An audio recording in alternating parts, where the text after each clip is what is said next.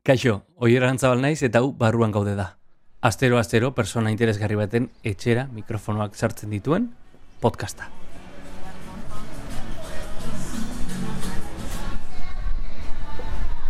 Bizitza hitz egingo dugu gaurko atalean. Eta haren karietara, eriotzaz ere bai. Biak elkarrekin baitoaz, nahi eta nahi ez. Iñaki Peña mediku paliatibistaren etxean izan genuen izketaldiaren ispilu modukoa da, entzungo duzu no. Eta espaduzu entzun elkarrezketa hura, gomendatzen dizut EITB podcasten edo audio plataformaren batean sartu eta entzutea.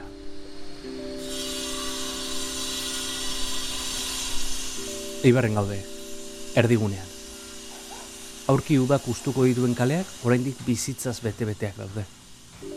Eta guk, Mikel Lizarralderekin jarri dugu itzordua. Kode Syntax enpresako marketing arduraduna izan zen. Lan utzi eta bere kabuz aritzea erabaki zuen arte. Bai, Apa, Mikel? apa ya. Bai. 2018an bizitza irauli zitzaion, esklerosi anizkoitza diagnostikatu ziotenean. Txakurra da,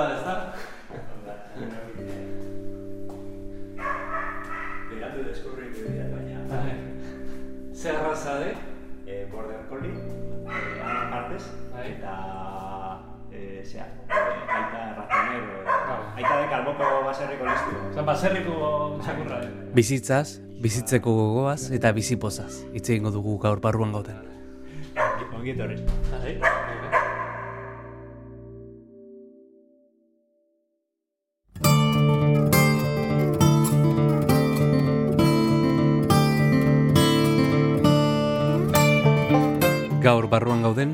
Mikel Lizarralde azurmendiren etxean sartuko ditugu mikrofonoak.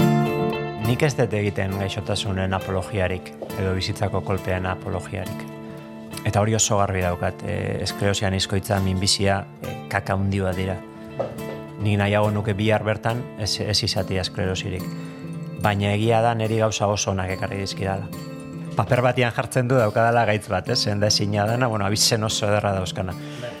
Baina horri esker bizitza gehiago apresiatzen dut. Orduan, balantzan jarrita, ba, hobeto nago. Orain dela bost urte baino, ez?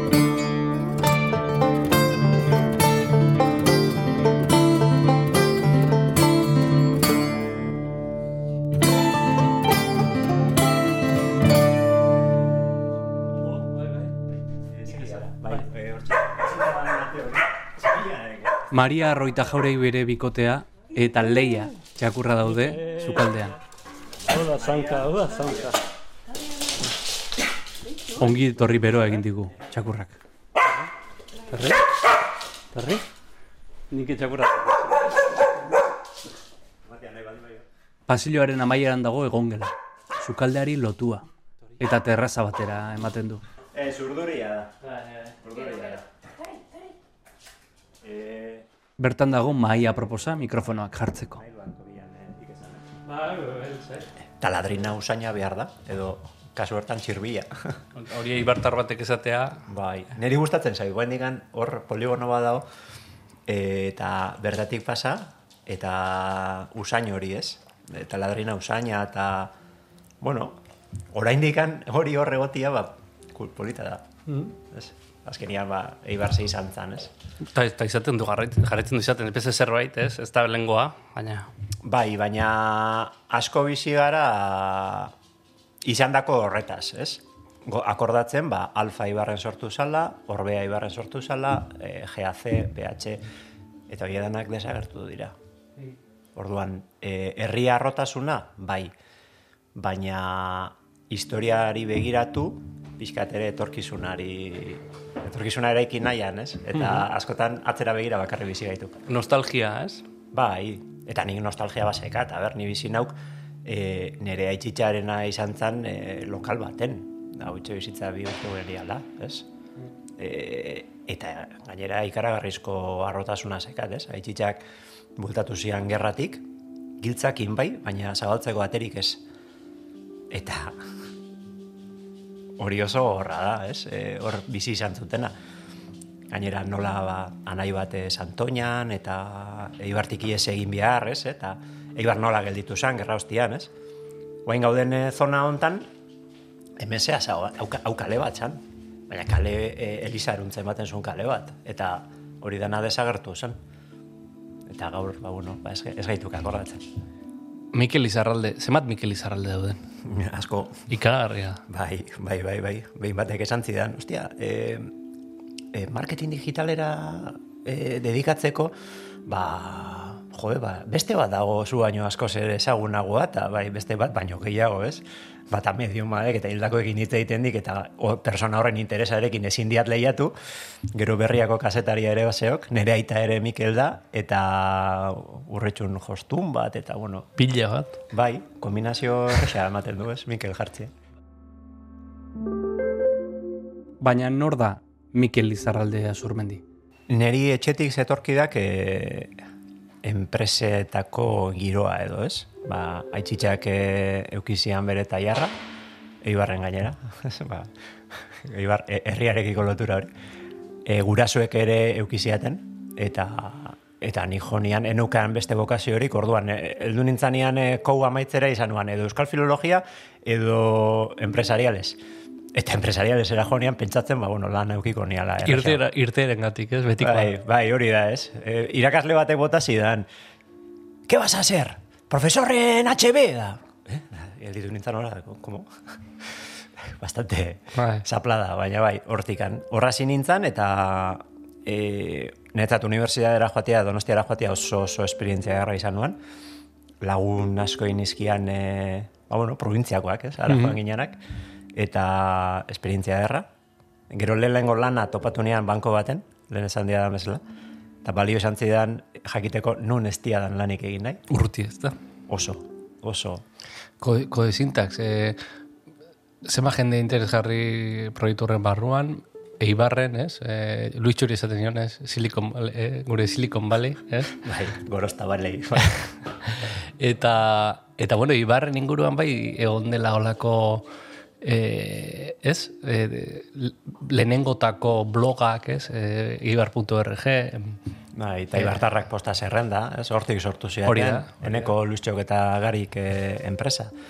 Bai, eukizian e, e, Eibarrek eh, momentu horretan aintzindari puntu hori, ez? Eta, eta egia dek azkenian e, aintzindaritasun hori enpresak mantendu dik, ez? E, gero era ere, ba, beste batzuentzat proiektuak egiten, eta baita e, adibidez ba, egunean min bezalako proiektu viral batekin. 2000 eta emezortziko otxailaren iruan, San Blas egun batez, Mikel Izarralde korrik atera zen. Eta bizitza era bat aldatuko zion, diagnosiaren lehen zantzuak nabaritu zituen. e, ba, San Blas egun batean, otxaian hiru batean, joan nintzen mendira korrika, eta bikoitza ikusinean, eta gero e, hortik etorri guan e, esklerosian izkoitzaren diagnostikoa ez.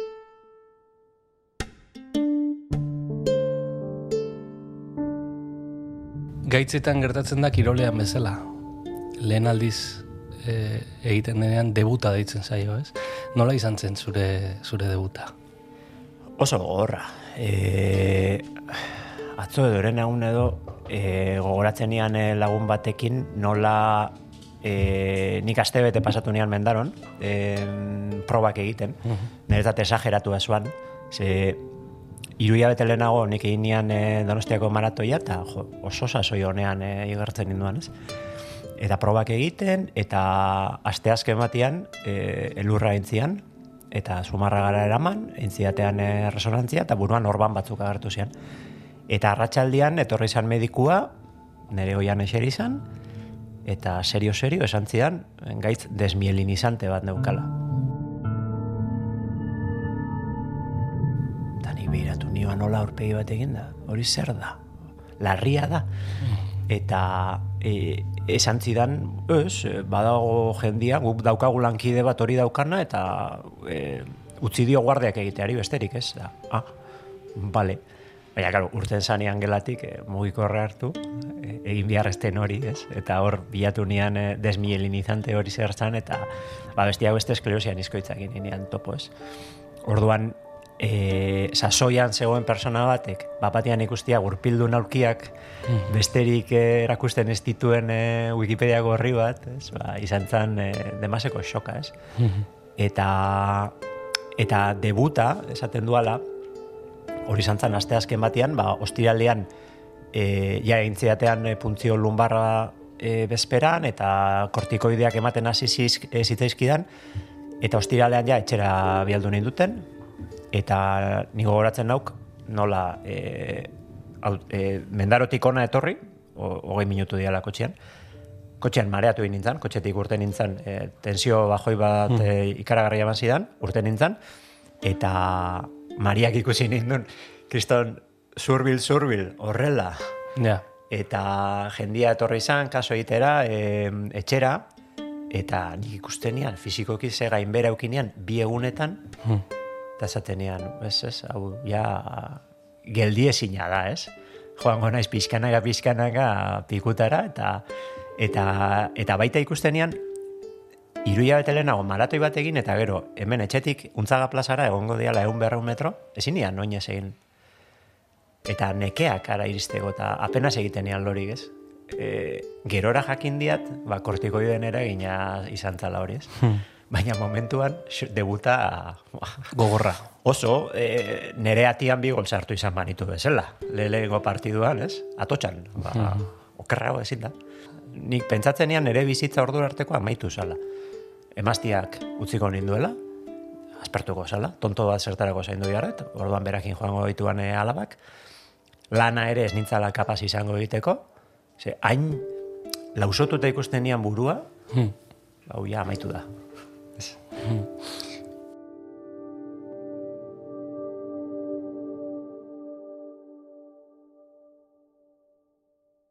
Esklerosi an- anizko hitza e, ez dakienaren zat, ez? Mm, gaixotasun mm, bat da, baina oso desberdin e, garatu da, leike, ez da? Nola salduko zenuke ez dakienaren zat zer den? Azkenian da gaixotasun e, sendagaitz bat, neurologikoa, degeneratiboa eta kronikoa. Abizenak dira kojonantiak. Eta aurrera egiten du mm, erasoka edo broteka.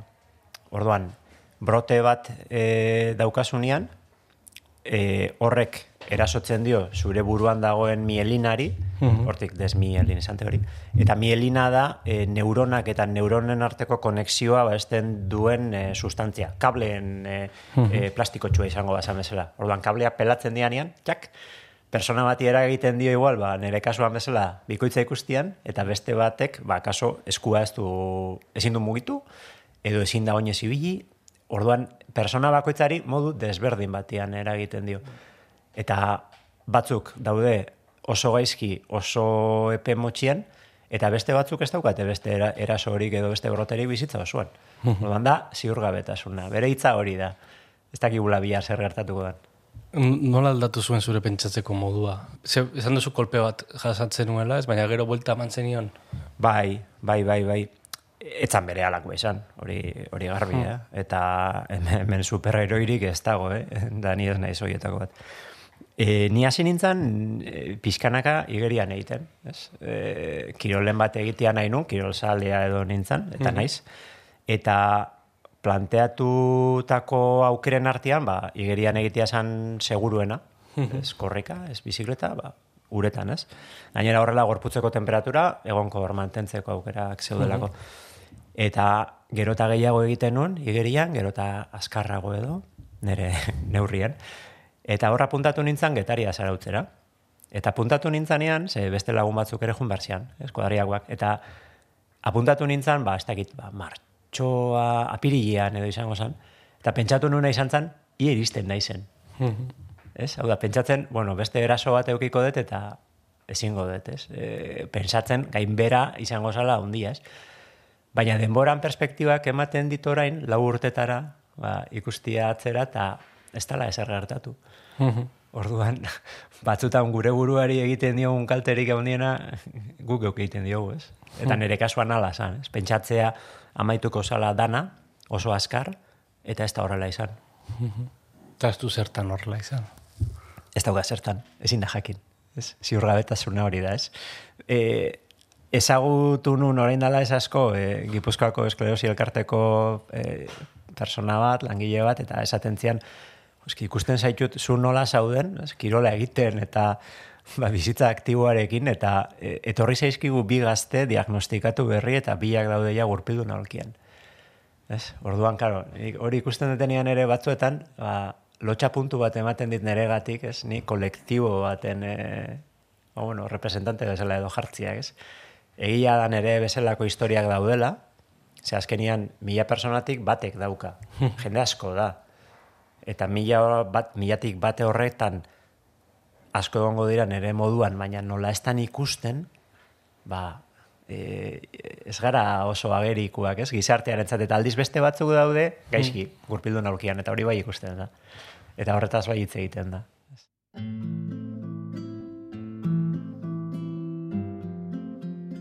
hasieran, e, bi edo hiru hilabetetara, Jose Arantzabali galdetu nion. E, Joseak bere sasoian, e, idatzi zuen e, sustatun, nola medikoak esan dit bizia dudala. Bai, bai. Eta hori gero liburu bihurtu zen, eta ni Joseri galdetu nion, ia bera momenturen batian, damutu ote esan publikoki esan izanaz, ez? eta kontatu nio zergatik, uh eta esan zidan, e, e, e, ez ez, ez da mutu inungo momentutan, eta aurrera egitera bidatu ninduen, ez? Kontatzera, baita ere da modu bat, e, jendeak ezagutu desan gaixotasuna, eta aukera hau ere bai. Hmm. Ez? E, nik ez dut jendea epini nahi zega maizkorri egiten, baina jutxien ez jakin dezala bizitza aktibo bat eraman daitekela, eta hori gainera e, tamainan eginda eta neurriz, eta ez nik egiten duten gauza hauekin, ba, osasuntxua dela. E, ezke, zure kasuan, debutaren ostean, hasi zinen kirolprobak egiten, eta ez edonolakoak. Bai, bai. E, nik ordu arte egin euskan irun maratoi asfaltuan, eta maratoi erdiak, ba, dozena bat ola. Mhm. Eta ikusi nunian, gaitza, de diagnostikoa, hau amaitu da, uf, ba, pena mazidan, ez? Ze hor zeuden gauza batzuk egitean nahi nituenak. Eta nere bizitza ikusi nuenean aktibotasun horrekin lotuta egotia nahi nuela, ona zela neurrian egitea, ba esan ojo, ba pena daukat proba hauek ez egin izan, orduan saiatuko naiz egiten, ez? Eta lelena izan zen, ba, segama izkorri, e, lehenago maratoi erdi batetik pasatu nintzen, eh? baina segama izkorri izan zen, azkenian niretzat garrantzitsua, zan ama segamarra daukat, eta amaren amaren baserria zena, ba, e, aizkorpia, aizkorpia inguruan zegoen, ez? Aizkorpia bai. ikusten zan, orduan, netzat oso toki emozionala da, ez? Aitona, aitona eta amona ambizizian, eta ba, niretzat baserri ura, niretzat e, oso kutxuna izan da beti, ez? Eta eukinun ideia ona, edo e, Twitterren jartzia, e, hori nahi nuela egin, esklerosian izkoitza zaukan inok ez zuela egin, eta eta bueno, ba, Euskadi Ratia, Euskadi Ratian elkarrizkeita egin ziaten, manu etxo sortuk eta, eta ondoren e, ba, dorsala eman ziaten, eta, bai. eta hor, lagunen artean eta zeniden artean kamisetak saldu nitun, eta ba, irabazien zati bat, e, erdia, eman genion e, ba, gipuzkoako elkartiari, ez? oso polita izan zen. Oso polita. Ba, ja bere segama izkorri da oso lasterketa emozionala, hainbeste jende danak zuri oiuka, baia ikustia, zure lagunak, zure zenidiak, zure kamisetakin, ez? Eta nik irteran esaten, ojo, eske, e, beste dana baino posika honago, ze, eske ez nun sinisten hemen egongo nintzanik, oen dala urte bete. Mhm. ez? Amaitzia, bueno, ja hori beste historia basan, ez? Baina bai. irteran bertan egotia, bai. jo, flipantia zan, ez? Eta ana aurrian, e, Kilian Jornet, Oiana eta Aritze Egea eta beste danak, ez? Eta ni ere bai. Mikel Izarralde kirola erabili du esklerosi anizkoitza ezagutzera emateko. Eta nola bait, gaixotasunen inguruan dagoen tabu hori apurtzeko. Home, ni topatu naiz, e, jendearekin, ez diona ez da bere inguruneari e, aitortu esklerosi anizkoitza duela.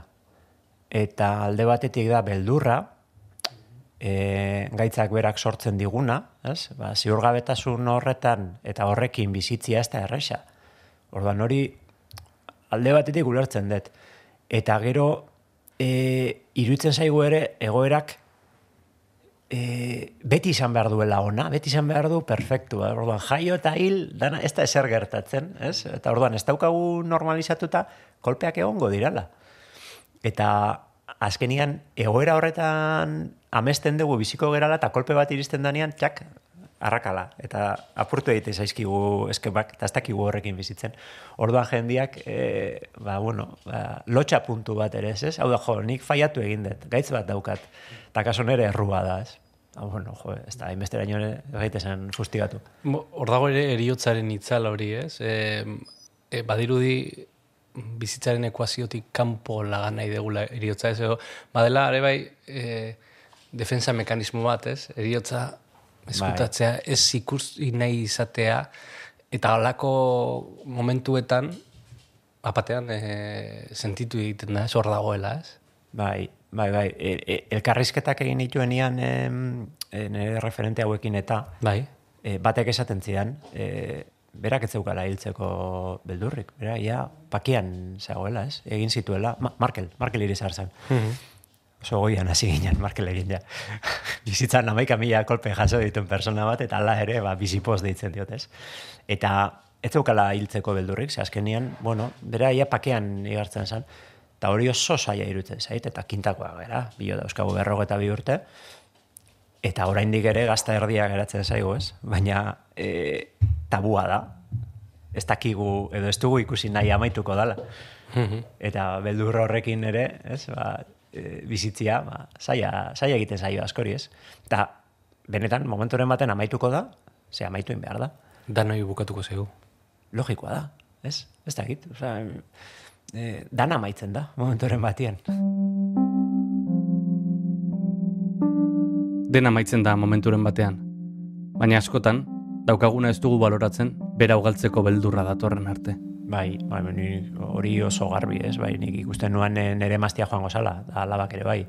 E, lana ere galduko nuela. E, gau, ni momentu horretan nere oinarre guztiak, e, ba, zutabe guztiak eroriko zian, eta ez dakit, katedrala etxea edo dana, eroriko zan, ez, gainbera. Orduan, bai, bai, bai, ala, ala da, ez. Pentsatzen dugu askotan, e, etzaigula eser txarri gertatuko, dana egonkor jarraituko duela, ez, ba, oso eroso bizi gara egoera horretan, eta bapatian eh, jabetzen zera zer zauden galtzeko zorian, eta orduan akaso hasten zera pixka gehiago apresiatzen. Egia da baita, nik orain gehiago apresiatzen dut, baina oso erresa da ere automatikoan erortzia horrez. Eta hastia e, zer gertatu zen, eh? Eta batzuetan, tak, Hori ona ala txarra da. txarra da automatikotasun hori, nire ustez. Edo, e, noizian minez begiratzia. Hau da, automatikoan bizitzea hori ez da, ez ona, ez txarra hori horrela da. E, hori irten egiten zaigula iruditzen zait. Baina tarteka begiratzea ere, gu nola gauden, eta ingurukoak nola dauden, ez? Ni, e, diagnostikoa jasota oso gutxira nik idatzi nuen, ez? Ibrahima Baldek neregatik aldatuko lukela tokia oso errez, ez? Azkenean, ba, ikusten duzu munduan beste persona batzuk zertatik pasatu behar izan diran, eta ni hemen kakaume txuri hau kejatzen behin bikoitza ikusi nuela eta puntzio lumbarra egin zidatela eta botika kaka bat hartu behar detela, benetan. Osea, a ber, E, eriotzari bildurra diozu orain. e, izango diot hemendik urte batzu eta batzuetan arte ez. E, azkenian ni txikitan beldurra nion, ikusten dut orain gure alaba sarrenak laster bedatzi egingo ditula, ba, botatzen ditula noizia meinolako galdera batzuk eta beldurra baino gehiago, ja beldurra ez diot, beldur irrazional bat, badakit hor dagoela, eta helduko dela. Ez da gaina, bueno, bizikletan eh, susto eder bat izan dagoa naiz, orduan eh, hor joan zitzaidan pixkat eh, beldur, beldurra iku- eukitzearena. E, nik ez dut egiten gaixotasunen apologiarik, edo bizitzako kolpean apologiarik. Eta eta hori oso garbi daukat, e, esklerosian izkoitza minbizia e, kaka hundi bat dira. Nik nahiago nuke bihar bertan ez, ez izatea esklerosirik. Baina egia da neri gauza oso onak ekarri dizkidala. Diagnostikoari esker, paper batian jartzen du daukadala gaitz bat, ez? Zenda ezina Bai. dena, bueno, abizen oso ederra dauzkana Bai. baina horri esker bizitza gehiago apresiatzen dut. Orduan, e, balantzan jarrita, ba, hobeto nago. Horai dala bost urte baino, ez? Orduan, hori ulertzen zaila da. E, badaude gaixotasun batzuk e, non zulora zen, ez? Oso azkar. Ba, e, askotan nahastu didaten eri esklerosia berdin azten danez e, elarekin, ez? Eta beti, ostras, izer diotza sartzen zait, ze azkenian elarekin gutxi gora bera bost urte irauten dituzu eta ero ja zulora zuaz. Orduan, nik ez daukatelarik. Nik kuadriako bat naztu zanean esan nion. Lasai honai, nik zuetako funeral bat baino gehiago ikusteko asmoa daukate. Eta ez da joditziarren. Bixi batzuetan umore beltza uki behar da, nes eta txarra izan, baina ni nire buruakin barre egiten saiatzen naiz. Orduan, hor pixkat ere egiten saiatu nintzen. Elkarrizketa grabatzen dugun unean, bost pasei hilabete igaro dira, Lizarralderen alaba Katrinen urtebetetzea ospatu zutela, baina oraindik ospakizunaren zantzuak daude sukaldean. Eta atzeko horman argazki bat dago eskigita. Maria, Katrin eta Maialen daude berta. Ba, Maria, Katrin eta Maialen. Ez, ba, ba, gutxi gora bera izango da diagnostiko sasoikoa. Ze hor Bai. Katrinek ez dizkik izango bi urte baino gehiago, eh? urte bete ukiko dik. Hor gutxi gora bera. Oin bere urtetetzea izan dira. E, Maialenena laster izango da. Ah. Katrinena izan zen, bai, e, desastre bakera, eh? E, Ez dituzu ekentzen, ez? Ez, baina bueno, aldatzen, resiklatzen joaten gea, ez? Hori hor gelditzen da, eta, eta bueno. Ospakizunak, eh, kentzen dira urrengo ospakizunean. Hori da, eta hau jarri genian, uste dut Katrinen nian, ez, maialen nian, joan, zan urtean, e, ustaiak bostekoa da. La serpentina moduko. Bai, hori jarri genian, eta ba, Katrinen nian, e, mantendu. Ez? Eta... Eh, aipatu zu behin baino eh, lana galdu, emazteak utzi, ez? Baina Maria Maialen da Katrin hor daude, ez? No, nola izan zen e, beraiekin e, konpartitzea zamau? E, bueno, Mariarekin euneko egun hasieratik, ez? E, beti kontatu izan dut nola ospitaletik etorri eta berak ikusi zuenean e, susto horpegi horrekin eta txuri-txuri jetxi nintzala kotxetik, aita kekarri ninduenean, nola jendia joan zanean, eta ni negarrez hasi nintzanean berari bezarkatuta, esan zidan ikusiko dezu hone gauza honak ere ekarriko ditu. Eri momentuan esan hor, jo, Maria, zaitez pasau, eh? Bera ni baino askoz espiritualagoa da, eh, ez elizkoia, eh? baina Bai. espiritualagoa da, eh, ba, sinisten du, badaudela beste gauza batzuk, ez? E, bizitzaren ostian edo, edo hemen gauden tarte honen ostian, eta berak bai lagundu dit e, gaitza edo egoera berria hobeto ulertzen. Mm. Ez, orduan, niretzat, e, makulbua baino gehiago da, ba, bueno, gaitza nik daukat, baina esklerosia bio daukagu. Ze azkenean berari ere tokatu zaio hortatik eh, dana pasatzia, ez? Eta, eta ez da erraixa. Nire gurasoentzat ere erraixa izan ez dan bezala, seme bat ikustia bapatian e, alako kakadan e, gaitz batekin e, egonda, ba, hauentzat ere, e, bai batez ere emaztearentzat ikustia ze narra horrela dagoela, eta alabekin saiatu naiz, ez? E, hasieratik kontatu nian, aitatxo gaitz, gaitz badauka, Eta ulertzen dute? Nagusiak igual, bai, nagusiak ia bederatzi urte dauzka, eta berak badaki, aitatxok esklerosia nizkoitza daukala. Gainera, e, euskeraz ondo esaten du esklerosia nizkoitza. Be, elduek ez bezala, ez? Gehienak multiple deitzen diogulako. Baina, e, ulertzen duta oso presente dauka, eta bai daukat impresioa, a, batez ere alabazarren arentzat, e, naizela lako eroi bezalako bat, ze berak presenteago dauka, ba, sega maizkorri, hiru handiak, e, eta beste probak egin ditudanak, eta txikiak oraindik ez. ez ba, bost urte dauzka, eta printzesen munduan bizi da, eta dauzkagu alaba guztiz eta ezberdinak. Baina bai saiatzen naizela eurei azaltzen, zer den historia guztia, eurak ere ikusi dezaten aitatxo esala renditu. e, eta kontua ez da Superman bat izatea da, egoerara egokitzia. Punto. Hauek dira baldi, joko baldintzak, hauekin bizi behar naiz. ez? Eta nik nahi dut alden ondoen bizi ni, eta albokoak ere ez, ez? Hasieran ni gaitza asko lotzen nun urduritasunarekin, ez? E, ez du ematen, baina personala saia naiz, eta edo uste naizena, ematen duena, baina urduriagoa naiz, hobeto esan da. eta hasieran umeekin oso urduri jartzen nintzen, ez? Diagnostikoaren ostean, Bai. asko asarratzen nintzen, gainera orduan zeuskaten bi eta bost urte, hau da, Ja. asko zeren mugituagoa zian, Orain nik nire seme alaba bezala gutxora gara. Claro, Bai, bai. bai. Eta ez da erresa. Ez da erresa. Ez da erresa, ez da aita garen ontzat, ez? E, amentzat, e, oso zaila irutzen zait. Bai.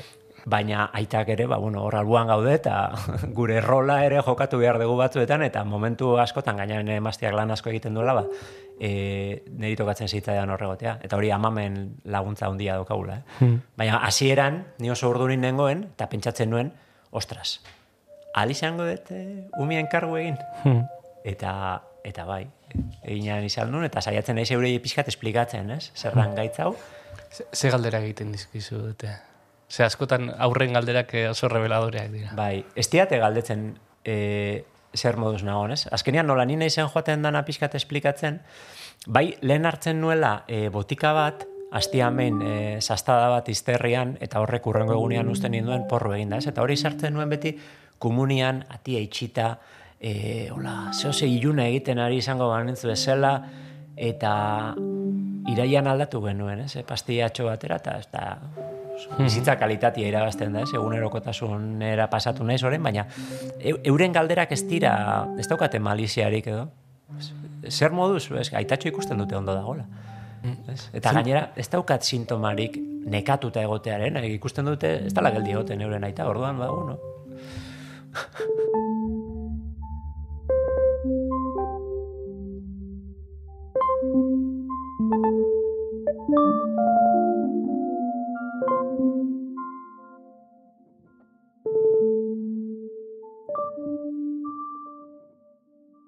E, galdetu nahi nizun baita ere e, eutanasiaren inguruan.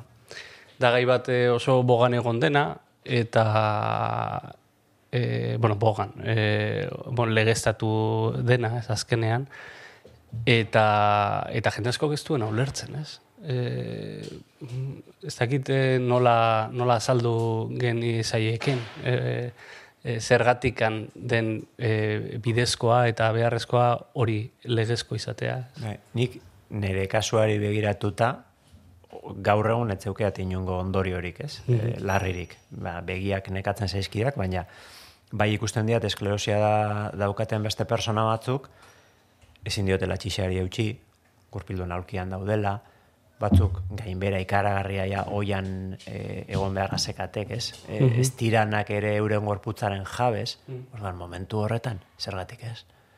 azkenian bizitzeko horik espaldin badaukate, eta ez dira gai ere ez hartuta leiotik salto egiteko, ba, zergatik ezin dute bizitza amaitu modu duin baten. Osea, duintasuna ezin da egon beste baten eskuetan. Ezin du erabaki zurekin bizi esten persona batek nola amaitu behar duen zure bizitzak. Ez da justua. Ez da justua. Ez da horre espagetia galariak ere ez, ez? Zergatik. Eta sufritzea, ba, ez gaude hemen eh, sufritzeko neurriz kanpo eta guk adibidez ikusi dugu orain dela gutxi lagun bat hilda minbiziarekin eta eta azkenengo sasoia oso hor eh, izan dik. Ez da bat ere arraixa izan, bere, ez beretzat eta ez bere inguruko entzat orduan. Zergatik e, ezin dik ja amaitu bere sufrikario hori dana ez. Eta, eta niri zentzuzko irutzen zaidak. Nik ez dakiat, nik ez dakiat no, zer erabakiko diadan hemendik hogei, hogeita mar, o auskalo zenbat urtetara ez. Mhm. Baina logikoa irutzen zaidak norberak bere erabakia hartzea. Orduan, horrekin aurrera, jo, zerbaitetan ondo aurrera egin baldin badiagu positiboki, ez? Naiz eta beti kontrako iritzi multzoak eta taldeak egon, ba,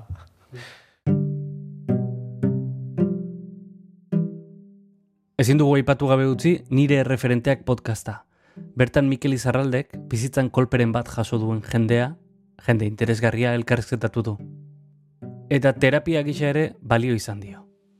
nire hasierako asmoa oso bereko jauan, ez? Eta dek pixkat alde batetik ikastea beste persona horiekin. Osea, azkenian pasadituk ni pasatu ez naizen gauza batzuetatik eta ni beti pentsatu izan dian ni naizela, zera bat, esponja bat bezala, ez? Ematen du eset, baina gauza askokin gehatzen nauk. Hemendik eta handik entzun da. Eta persona hauen esperientziekin geratzea oso oso interesgarria irutu zaidak eta baita pixkat e, edabideetan irten eta publikoki gaitza bizitzea momentu batean sama bat irutu zaidak. E, nik ezingo banu faiatu bezala. Eta ez diat sama hori eduki nahi. Orduan, nire referentiak proiektuarekin saiatu nok sama hori nolabait e, zabaltzen, ez? Beste batzuen artean ere banatzen. Eta egiadek batzuk oso persona publikoak dituala, ez? Eta ba, Markel Izamarik ez zoat pasatuko, adibidez. Eta beste, ba, Jokin Lizeak eren nahiko azekak, ez? Ezagunak dituk, edo haino alendinez, ez? Ezagunak dira, baina base dean beste batzuk hain publikoak edo etxirenak, eta e, haiek ere horre gotea nahi nian. Ez? Eta elkarrezketetan haiek itzein desatela. Eta oso poilita izan dek zentzu horretan. E, horrelako lurrikara gertatzen denean bizitzan, ez? E, batzuk diote etorkizuneko planak egitea zaila egiten dela. Zure kasua da. Ba, ni plan bakarra segat, inda. Et, bakarra, eh? Eta e, duela lau urte esanean, hemendik amarru urtetara, tibetera, bueno, tibetera ez, e, nepalera joango naizela. Himalaiara. Himalaiara. Hori izan, jarri nian, e, plan bakarra. Bestela ez, ez, e, esan diat nola, zega, este, e, getaria zarautzera puntatu nintzanean, pentsatzen nuena zan, ia iristen nahi zen. Gaur da eguna ez detena hori pensatzen, ez? Gaur da eguna, ba, planak egiten ausartzen naizela, baina azken finean e, ziurgabetasuna hor dago. Orduan, e, ba, profesionalki eman deten pausu hau, ba, askotan pentsatzen diat, ez? Ba, hobesan igual gelditzia portu seguru horretan, ez? E, kai, kaian olatuak ez dira etortzen nahi beste. Bueno, batzuk bai, oso handia dialako, baina baina bestela e, lasaitasunian igual lobeto dago, ez? Persona bat, baina ja uerra urtetzen da. Goroldi ba, baita. Eta nola doa Himalaiako plana? Jo, hortxe, Noiz joan behar duzu? Ba, 2000 eta amazortzi, ba, 2000 eta hogeita sortzi, ba, desiatzen. Ja, begiratzen zaude? Ez, oraindik ez, mm. oraindik ez. Baina badakite gida zein izango dan, eh? Nere maztiaren eh, lenguzu bat, eh, mendiko gida da, Fernando, orduan, ba, berakin joango naiz. Menditerapia itera. Guztiz, bai, e, hori hainoa lehen dinezek esaten zuen, ez? E, askotan malaletxian e, etxetik irten, igo karakate puntara, eta beste persona sala jisten zanean, eta menditerapia hori da. E, naturak laguntzen gaitu, eta neri e, ez daukat zertan joan beharrik araño, e, neri hemen e, baito pinburura o, o urkora edo igota nahikoa daukat, baina hori ere batzuetan etorkizuneko planak eduki behar dira. Zebestela, ez da egite, ba, bizitzeko gogo puntu bat ere ematen digute batzuetan nolako planek, ez? Elburuak. Bai, bai, bai, bai, bai. Lasterketa bat e, prestatu beharra bezala da, e, ba, korrika egiten ba, behartzen zaitu pixkate irtetzera, ez? Orduan, helburuak eduki behar dira.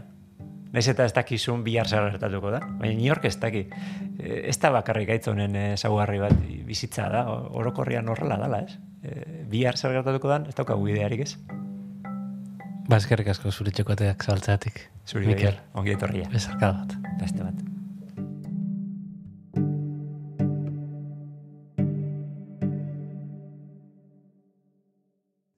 Hau izan da asteontako barruan gaude.